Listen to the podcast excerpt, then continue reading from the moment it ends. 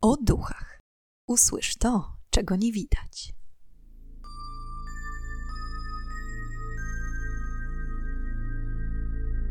Witam i pytam, czego dusza pragnie. Strasznie miło mi gościć Was na moim kanale.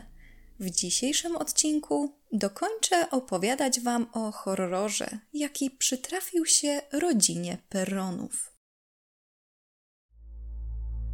Przed tygodniem mówiłam, że Caroline, dzięki rozmowie z miejscowym historykiem, panem McKitchen, dowiedziała się wielu informacji na temat przeszłości domu. Mówił on między innymi o sąsiadce Batshibie Sherman. Była to okrzyknięta złą sławą czarownica, mieszkająca na farmie Shermana. McKitchen miał 10 lat, gdy Bathsheba zmarła w 1885 roku w wieku około 73 lat. Bathsheba urodziła się w bogatej i szanowanej rodzinie Tyre w Rhode Island w 1812 roku.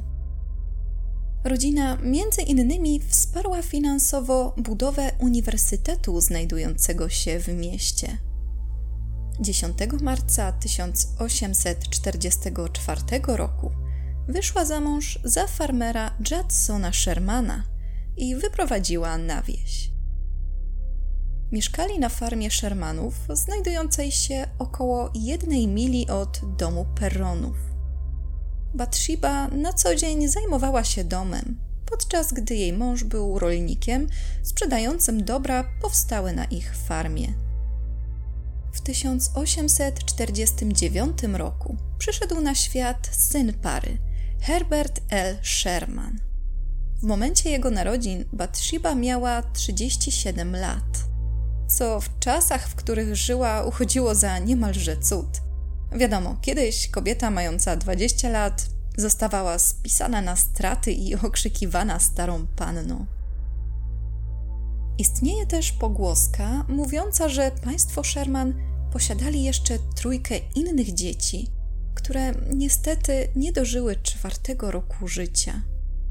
Niemniej nigdzie oficjalnie nie ma takiego wpisu do żadnego z rejestrów prowadzonych w tamtym czasie – Dlatego też uważa się, że była to jedynie plotka. Ogólnie Bathsheba nie cieszyła się dobrą sławą. Mówi się, że biła i głodziła na śmierć pracowników farmy, którzy według niej nie potrafili wywiązać się ze swoich obowiązków. Była nieuprzejma i niechętna do pomocy innym. Z czasem zaczęto rozsiewać plotki, jakoby miała być wiedźmą i praktykować czarną magię. Ale i w tym przypadku brak na to jakichkolwiek twardych dowodów. A skąd tak właściwe owe plotki się wzięły? Przez pewne wydarzenie mające miejsce prawdopodobnie w domu Peronów, należącym ówcześnie do rodziny Arnoldów. Mianowicie poproszono Batshibę, aby zaopiekowała się niemowlakiem należącym do któregoś z sąsiadów. Kobieta zgodziła się, a na jej nieszczęście, w czasie gdy opiekowała się dzieckiem, wydarzyła się tragedia. Niemowlę nagle zmarło. Na miejsce został wezwany lekarz, który od razu potwierdził zgon.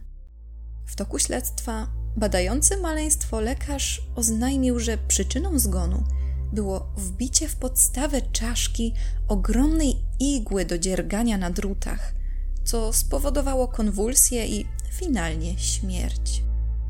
Po ogłoszeniu wyników sekcji w mieście rozszalała się burza. Mieszkańcy byli pewni, że Bathsheba złożyła dziecko w ofierze szatanowi – została postawiona przed sądem, jednak brak dowodów na jej winę ostatecznie uchronił ją przed więzieniem, a może i karą śmierci. I choć oficjalnie Bathsheba została oczyszczona z zarzutów, społeczność nie wierzyła, że śmierć dziecka była tylko nieszczęśliwym wypadkiem. Tym razem zaczęto plotkować, że domniemane pozostałe dzieci Bathsheby specjalnie nie zostały wpisane do wpisu powszechnego, ponieważ ta od początku planowała złożyć je w ofierze.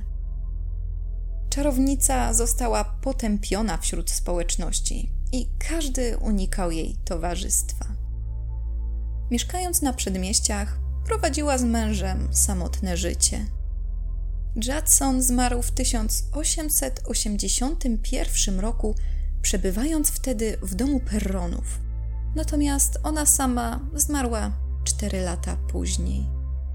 Przyczyną śmierci kobiety nie było powieszenie na jednym z drzew z terenów farmy, jak to przedstawiono w filmie, a udar połączony z przerażającym paraliżem i wykręceniem ciała w nienaturalny sposób. Mówiono także, że ciało Batshiby zamieniło się w kamień, gdyż taka była cena dla diabła, z którym podpisała pakt o wieczną, piękną urodę i młodość. Swoją drogą chyba nie do końca wyszła ta młodość, skoro umarła mając ponad 70 lat. Ale wracając już do rodziny Perronów, wydarzenia w domu stawały się coraz bardziej niebezpieczne. Wśród duchów wyróżniał się jeden, który zdecydowanie uczepił się Karolin. Rodzina była przekonana, że to duch kobiety i miała wrażenie, że duch ten uważa się w dalszym ciągu za panią tego domu i obecność Karolin bardzo jej w tym przeszkadza. W wielu miejscach domu dało się wyczuć zapach zgnilizny. Coraz częściej wszelkie sprzęty znajdujące się w domu psuły się. Telewizor, radio, pralka, wszystko co emitowało jakiekolwiek zakłócenia elektryczne, wymagało ciągłych napraw. W związku z tym Roger każdy zepsuty sprzęt znosił do piwnicy, aby tam próbować go naprawić. Piwnica zdawała się być najbardziej przytłaczającym miejscem w domu. Będąc w niej, smród był najintensywniejszy i miało się wrażenie, że ktoś stoi tuż za plecami, wypuszczając trupio lodowaty oddech. Dziewczynki wraz z Karolin unikały schodzenia do piwnicy. Jedynie Roger był zmuszany do częstego przebywania w niej, ponieważ oprócz zepsutych sprzętów Grzejniki coraz częściej się wyłączały, a główny mechanizm znajdował się właśnie na dole. Będąc w piwnicy, Roger niemal za każdym razem czuł, jak niewidzialna ręka dotyka go. Łaskocze po karku, a następnie wędruje wzdłuż linii pleców. Duch nie robił żadnej krzywdy Rogerowi. Był dla niego dobry. Inaczej było z Karolin. Poza dotychczasowym dręczeniem, kobieta zaczęła być tarczą, w którą celował duch za pomocą różnych przedmiotów. Niewidzialna siła biła ją, a pewnego dnia doprowadziła Karolin na skraj wytrzymałości. Mianowicie, Karolin cierpiała na pirofobię i panicznie bała się ognia. Duch wyczuł jej strach i bezczelnie go wykorzystał podpalił jej łóżko w sypialni, dając tym samym do zrozumienia, że nie jest mile widziana we własnym domu. Stan fizyczny i psychiczny Karolin był coraz gorszy. Duch pożądał Rogera i jednocześnie nienawidził Karolin. Uparł się na nią i próbował za wszelką cenę skrzywdzić. Cindy również oberwało się nieraz od duchów. Choć nie jest to oficjalna informacja, to po przeczytaniu książki Andrei Perron Dom ciemności, dom światła, można wysnuć przypuszczenie, że jeden z duchów molestował Cindy. Jednak nikt z rodziny Peronów nie chce wypowiadać się na ten temat. Peronowie posiadali w salonie stary zegar z kukułką. Gdy zjawiska nadprzyrodzone zaczęły się nasilać, zauważyli, że zegar ten zatrzymywał się zawsze o godzinie 5.15, a stojąc przy nim dało się wyczuć zapach gnijącego mięsa. Ale dopiero wydarzenie, które miało miejsce w połowie 1973 roku, przesądziło o tym, że rodzina Peronów zaczęła szukać pomocy u specjalistów. Nocą Andrea obudziła się w swoim łóżku. Nie była to jednak zwykła pobudka. Andrea miała wrażenie, jakby doświadczyła eksterioryzacji, czyli wyjścia z ciała, znanego też jako OOBEE. E. Będąc w tym stanie, miała wrażenie, jakby stała w pokoju rodziców i przyglądała się, jak jej matka umiera z przerażenia na widok ogromnego, obrzydliwego potwora, który zbliża się do niej, wyciągając długie szpony. Postać unosiła się w powietrzu. Miała na sobie poszarzałą, brudną suknię ze stójką. Była wychudzona, wyglądała jak truposz. Miała długie i pożółkłe szpony, a na jej twarzy zamiast oczu widniały dwie czarne dziury. Co ważne, zjawa miała złamany kark. Jej głowa niemal zwisała z szyi. Zbliżała się do Karolin coraz bardziej. Andrea miała wrażenie, że jej mama krzyczy w niebogłosy, prosi o pomoc. Jednak Karolin była cicho. Z przerażeniem patrzyła na ducha, a wszystko, co wypowiadała, działo się w jej głowie. Jakimś cudem Andrea nawiązała więź telepatyczną z matką i słyszała każdą jej myśl. Karolin starała się dobudzić Rogera, ale ten leżał w bezruchu. Szarpała go za włosy, kopała, ale na nic się to zdało. Kobieta w tamtym momencie myślała, że jej mąż nie żyje, a ona za chwilę podzieli jego los. Zjawa była coraz bliżej. Zaczęła mówić do Karolin. Wynoś się, wynoś się, wypędzę cię stąd mrokiem i śmiercią. Karolin starała się jak najbardziej oddalić od jej trupiego oddechu. Odwróciła głowę za siebie i w tym momencie duch zniknął. Rano Andrea pobiegła do kuchni, aby porozmawiać z mamą i przekonać się, że to, co widziała w nocy, nie było tylko złym snem. Nie myliła się. Widok, jaki zastała, utwierdził ją w przekonaniu, że to wszystko wydarzyło się naprawdę. Ujrzała roztrzęsioną Karolin siedzącą przy stole. Kobiety rozpoczęły rozmowę na temat wydarzeń minionej nocy. Obie stwierdziły, że muszą zgłosić się do specjalisty, medium bądź duchownego, ponieważ sytuacja w ich domu zaczyna realnie zagrażać życiu domowników. Po tym wydarzeniu Karolin i Roger, wciąż próbujący wmówić sobie, że wszystko to, co się dzieje w domu, to tylko czysty zbieg okoliczności, stwierdzili, że ich sypialnia nie sprzyja dobremu samopoczuciu kobiety. Przerobili więc kuchnię letnią na sypialnię i od tamtej pory spędzali czas właśnie tam. Szukając pomocy, Karolin natrafiła na grupę studentów, badaczy zjawisk paranormalnych, którym przewodził Kit Johnson. Poprosiła młodzieńców o pomoc. Był przełom sierpnia i września 1973 roku. Kilkuosobowa grupka pojawiła się w domu i rozpoczęła badania. Nie znalazłam informacji, jak długo badacze przebywali w domu Peronów, ale wiadomo, że szybko zorientowali się, że sami nie poradzą sobie z siłami zamieszkującymi ten dom.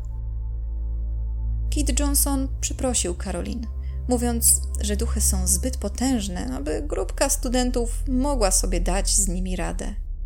Na szczęście, albo i nieszczęście w tym przypadku, Kit Johnson uczęszczał na uniwersytet, na którym co jakiś czas wykładało małżeństwo Warrenów. Po jednym z takich wykładów Kitowi udało się złapać demonologów na krótką rozmowę. Zaczął opowiadać o okropnościach, jakich był świadkiem w domu Peronów. I tak zainteresował Warrenów, że ci postanowili zbadać sprawę na własną rękę. Warrenowie pojawili się u Peronów 30 października 1973 roku. Karolin ani nikt inny z rodziny nie znał wcześniej państwa Warrenów. Po przybyciu na farmę, Karolin wpuściła ich do środka, myśląc, że są to po prostu jacyś zbłąkani wędrowcy. Warrenowie przedstawili się i zaczęli rozglądać po domu. Karolin dopytywała, kim są ci ludzie i czego szukają tak naprawdę u nich na farmie. Roger był zdenerwowany.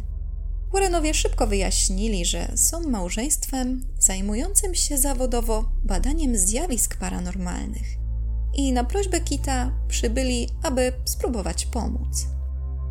Warrenowie dokładnie badali dom i jego otoczenie, odkrywając coraz więcej zbłąkanych dusz. Karolin chciała powierzyć bezpieczeństwo rodziny w ich ręce. Jednak Roger nie był skłonny do współpracy. Jako, że jemu nie działo się nic nadzwyczajnego, wtedy jeszcze wciąż uważał, że dziewczyny po prostu panikują i robią problem z niczego. Jednak już pod koniec pierwszej wizyty zaczął zmieniać zdanie. Wizyta Warrenów bowiem musiała dość mocno rozjuszyć złego ducha. Podczas wizyty zjawiska nasiliły się. Karolin zaczynała być coraz bardziej atakowana na oczach świadków. W sumie wizyt Warrenów na farmie było pięć, a każda miała za zadanie przybliżyć ich do odkrycia winowajcy całego zamieszania. Niestety, z każdym kolejnym przybyciem demonologów, Karolin była coraz bardziej atakowana a ducha w dalszym ciągu nie dało się zidentyfikować. Dlatego też po czwartej wizycie Warrenowie zapowiedzieli, że następnym razem przeprowadzą seans spirytystyczny. Roger nie chciał się na to zgodzić, mimo iż poprzednie wizyty Warrenów, druga i trzecia, miały odbywać się pod jego nieobecność, więc nawet nie był świadom, jak bardzo duchy atakują Karolin ale domyślał się, że kosztuje to wiele bólu jego żonę i dzieci. Finalnie jednak, po namowie wszystkich, złamał się. Karolin miała pełne zaufanie do demonologów i była święcie przekonana, że uratują ich rodzinę. I tak, podczas piątej wizyty, Warrenowie przybyli na farmie w towarzystwie ekipy filmowców, fotografów i księdza rozstawili specjalistyczny sprzęt i rozpoczęli seans. Zapalili świece, rozłożyli wiele talizmanów i innych przedmiotów, aby otworzyć portal do świata duchów. Warrenowie zaczęli przywoływać złe moce do ujawnienia się. Światła zgasły, świece również. Portal został otworzony. Przeraźliwie zimny wiatr przemknął przez pokój, zrzucając wszystko, co znajdowało się na meblach. Tej nocy Caroline Perron była bliska śmierci. Atak, jaki przeprowadził na niej duch, był niezwykle agresywny. Co jednak ważne, w odróżnieniu od filmowej wersji, Caroline nie została opętana. Ona była po prostu atakowana przez ducha bita, szarpana, wznoszona w powietrze i rzucana o podłogę. Wiła się z bólu. Warrenowie, nie zważając na krzywdę kobiety, usilnie próbowali dowiedzieć się, kim jest zły duch. W pewnym momencie, kiedy półprzytomna Karolin została posadzona na krześle w jadalni, niewidzialna siła pchnęła ją kilka metrów tak, że kobieta wylądowała na podłodze w salonie – uderzając się wcześniej w głowę. Była nieprzytomna. W tym momencie Lorraine opadła na stół, krzycząc: Wczuwam w tym miejscu obecność złego ducha. Jego imię to Bathsheba. Wszyscy domownicy o nie mieli. Lorraine nie wiedziała, że rodzina Peronów ma jakikolwiek związek z imieniem Bathsheba. Nie mogła tego wiedzieć również od Kita, ponieważ Peronowi nigdy o tym mu nie wspominali. Stół w tym momencie podniósł się, a następnie z hukiem spadł na podłogę. Roger zerwał się na równe nogi, aby pomóc żonie, ale w tym momencie Ed powstrzymał go, mówiąc, że seans musi nadal trwać. Roger nie wytrzymał. Uderzył Eda w twarz i nakazał im natychmiast opuścić dom. Rodzina Peronów była przerażona. Dziewczyny wszystkiemu się przyglądały. W domu nie było jedynie Cindy i szczerze mówiąc nie wiem dlaczego. Może przez to, że zaraz po Caroline to Cindy była najbardziej gnębiona? Według mnie w ogóle nie powinno być dzieci w tym czasie na farmie. No, ale były. W pewnym momencie Nancy zaczęła tracić przytomność. Andrea musiała ją podtrzymywać, żeby nie zrobiła sobie krzywdy upadając. Zemdlała ze strachu. Wszyscy myśleli, że Karolin, ich matka, żona, właśnie umiera na podłodze w salonie. Na szczęście po niedługim czasie odzyskała przytomność i nic nie zagrażało jej życiu. Karolin podtrzymuje, że nie pamięta niczego z przeprowadzonego seansu. Porównując znów to wydarzenie z filmową wersją, należy zaznaczyć, że Ed Warren nie przeprowadził egzorcyzmu. Nie miał do tego uprawnień i po prostu nie byłby w stanie go przeprowadzić samodzielnie bez pomocy duchownego.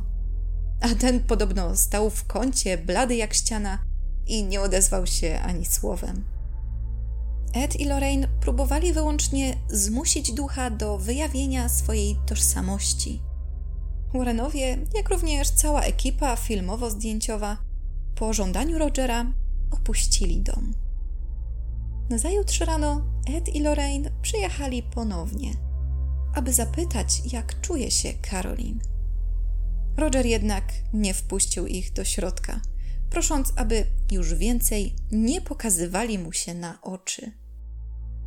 Po tym wydarzeniu Caroline długo dochodziła do siebie.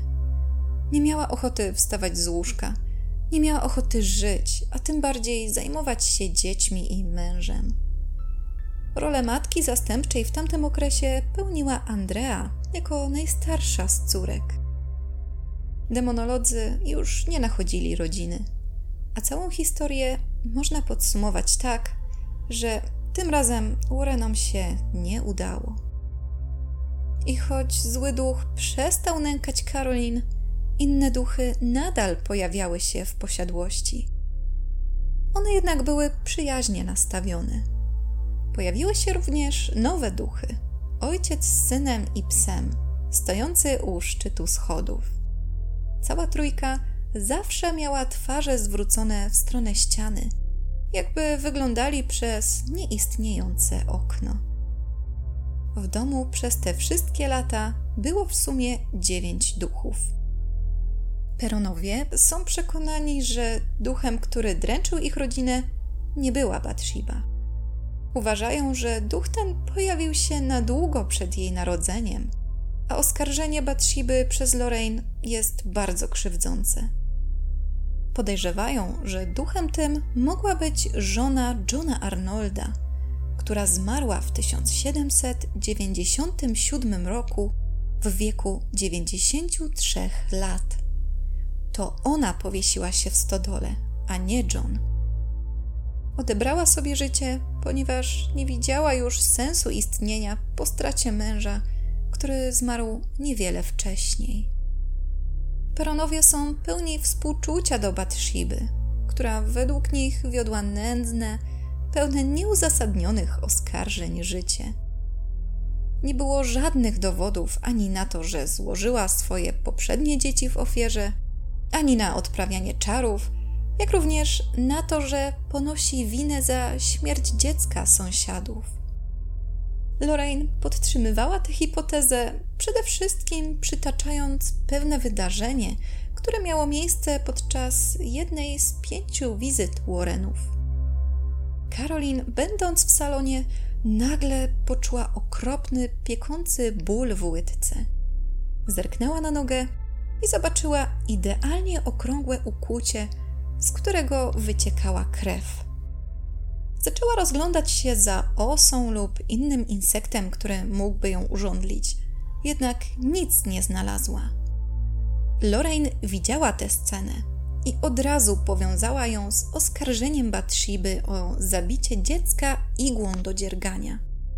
Była pewna, że Batshiba po śmierci wzięła w zaświaty igłę i dręczyła nią Karolin. Jak twierdzi Andrea Peron, cała historia obecności kręci się wokół Batshiby jako złego ducha nękającego rodzinę. Peronowie mają żal do Lorraine, która uparcie twierdziła, że to Batshiba była winna wszystkim wydarzeniom. Andrea mówi, że ta hipoteza w ogóle się nie klei.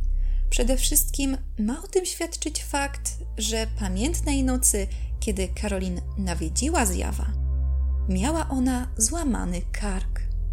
Zupełnie jak pani Arnold, która pozbawiła się życia, wieszając się w stodole. Faktycznie duch Batshiby mógł być obecny w domu z racji tego, że przebywała ona często na farmie za życia.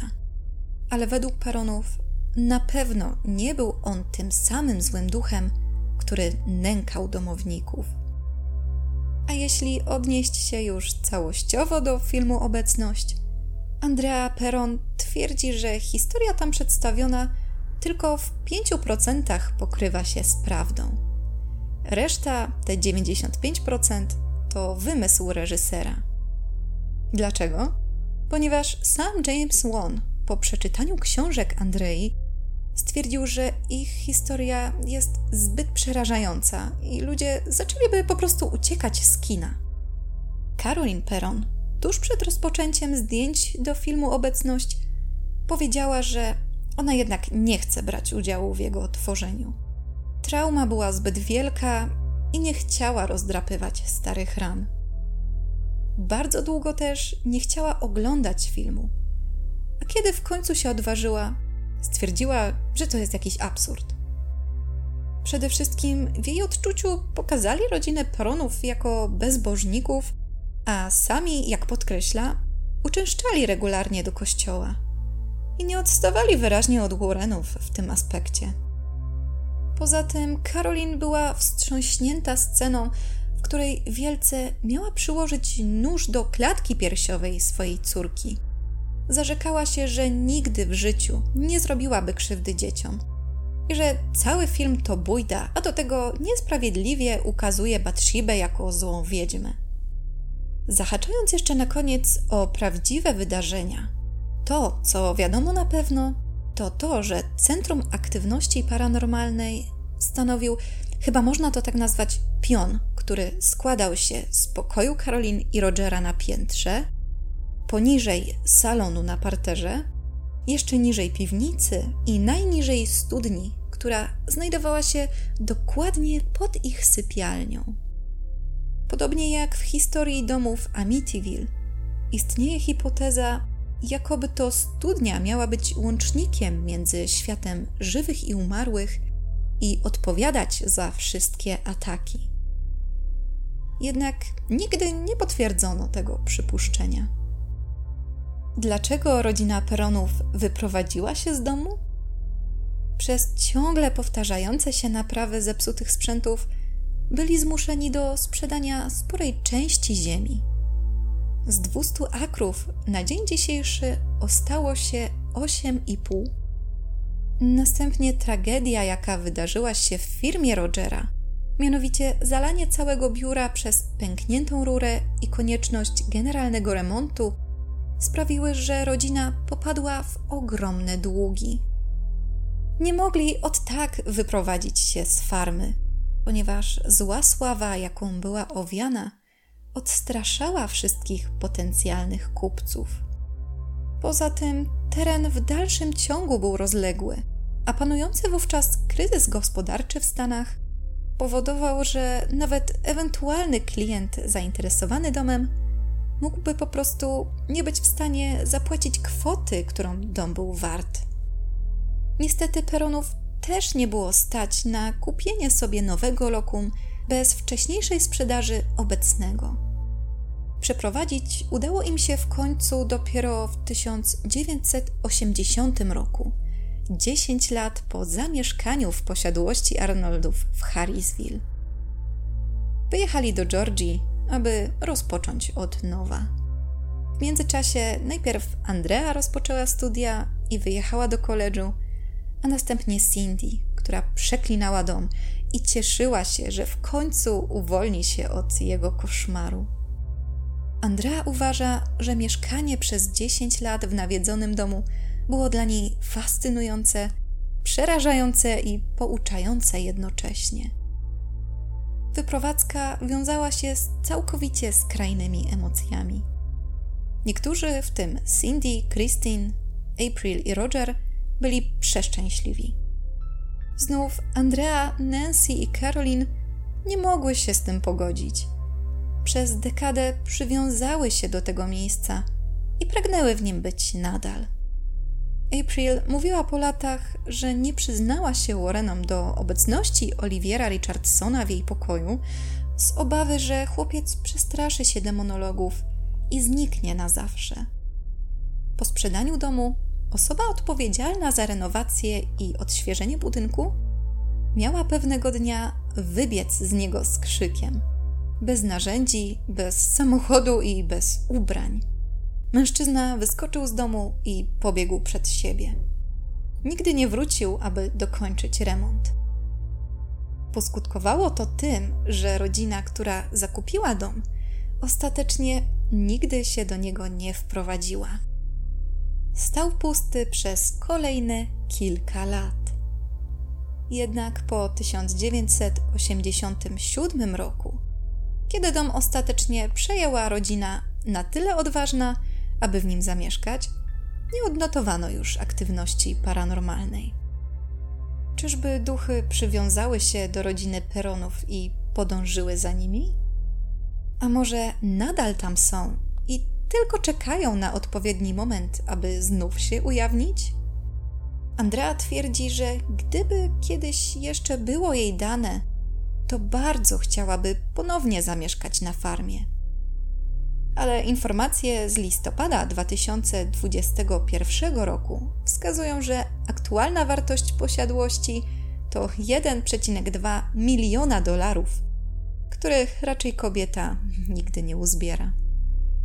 Twierdzi też, że Ed Warren przestrzegał ją lata wcześniej, że jeśli kiedykolwiek wróci do nawiedzonego domu, nie wyjdzie z niego żywa. Z ciekawostek, jakie wyczytałam w źródłach, chciałam Wam przekazać, że jeśli dobrze się przyjrzycie, to w filmie jest interesująca scena. W scenie tej pokazany jest pokój Andrei. W pewnym momencie kamera kieruje się na obraz białego kota. Nikt z obsady nie wiedział, że prawdziwa Andrea dostała identyczny obraz na swoje trzynaste urodziny i posiada go do dziś. Znów podczas kręcenia filmu też nie obyło się bez dziwnych incydentów. Gdy nagrywano sceny, kilka razy na planie filmowym objawiała się obecność poltergeista. Kamery przewracały się, a ludzie czuli potężne podmuchy wiatru. Poskutkowało to tym, że Andrea upadła na ziemię i złamała biodro. W 2021 roku Andrea, Nancy i Roger pojechali na farmę, aby przeprowadzić transmisję live z polowania na duchy. Christine, Cindy i Caroline dołączyły do wydarzenia zdalnie. Najmłodsza z sióstr, April, zmarła w 2017 roku i według Andrei podczas wizyty w domu w Harrisville udało im się nawiązać połączenie zarówno z nią, jak i zmarłą w wyniku powodzi wnuczką Nancy. I są to wszystkie informacje, jakie na dzisiaj dla Was przygotowałam. Cała historia jest niezwykle przerażająca i co najciekawsze, można ją uznać za nierozwiązaną przez małżeństwo Warrenów. Szczerze mówiąc, kiedyś myślałam, że takie sprawy nie istnieją i że historia przedstawiona w filmie Obecność mniej różni się od tej prawdziwej. No ale wiadomo, Hollywood rządzi się swoimi prawami. Jestem niezwykle ciekawa, jakie jest Wasze zdanie na temat tej przerażającej historii. Zapraszam do dyskusji w komentarzach. I tak już zupełnie na koniec chciałam podziękować za Waszą aktywność w ankietach i właśnie komentarzach jak również zachęcić Was do odwiedzenia moich mediów społecznościowych, na których czasem wrzucam różne paranormalne ciekawostki, ale też pokazuje siebie z tej bardziej codziennej, prywatnej strony. Instagram, Facebook, TikTok wszystkie konta widnieją pod nazwą O Duchach. Dziękuję Wam za dziś i już teraz zapraszam Was na kolejny odcinek podcastu o duchach, w którym ponownie zadamy pytanie, czego tym razem dusza zapragnie. Do usłyszenia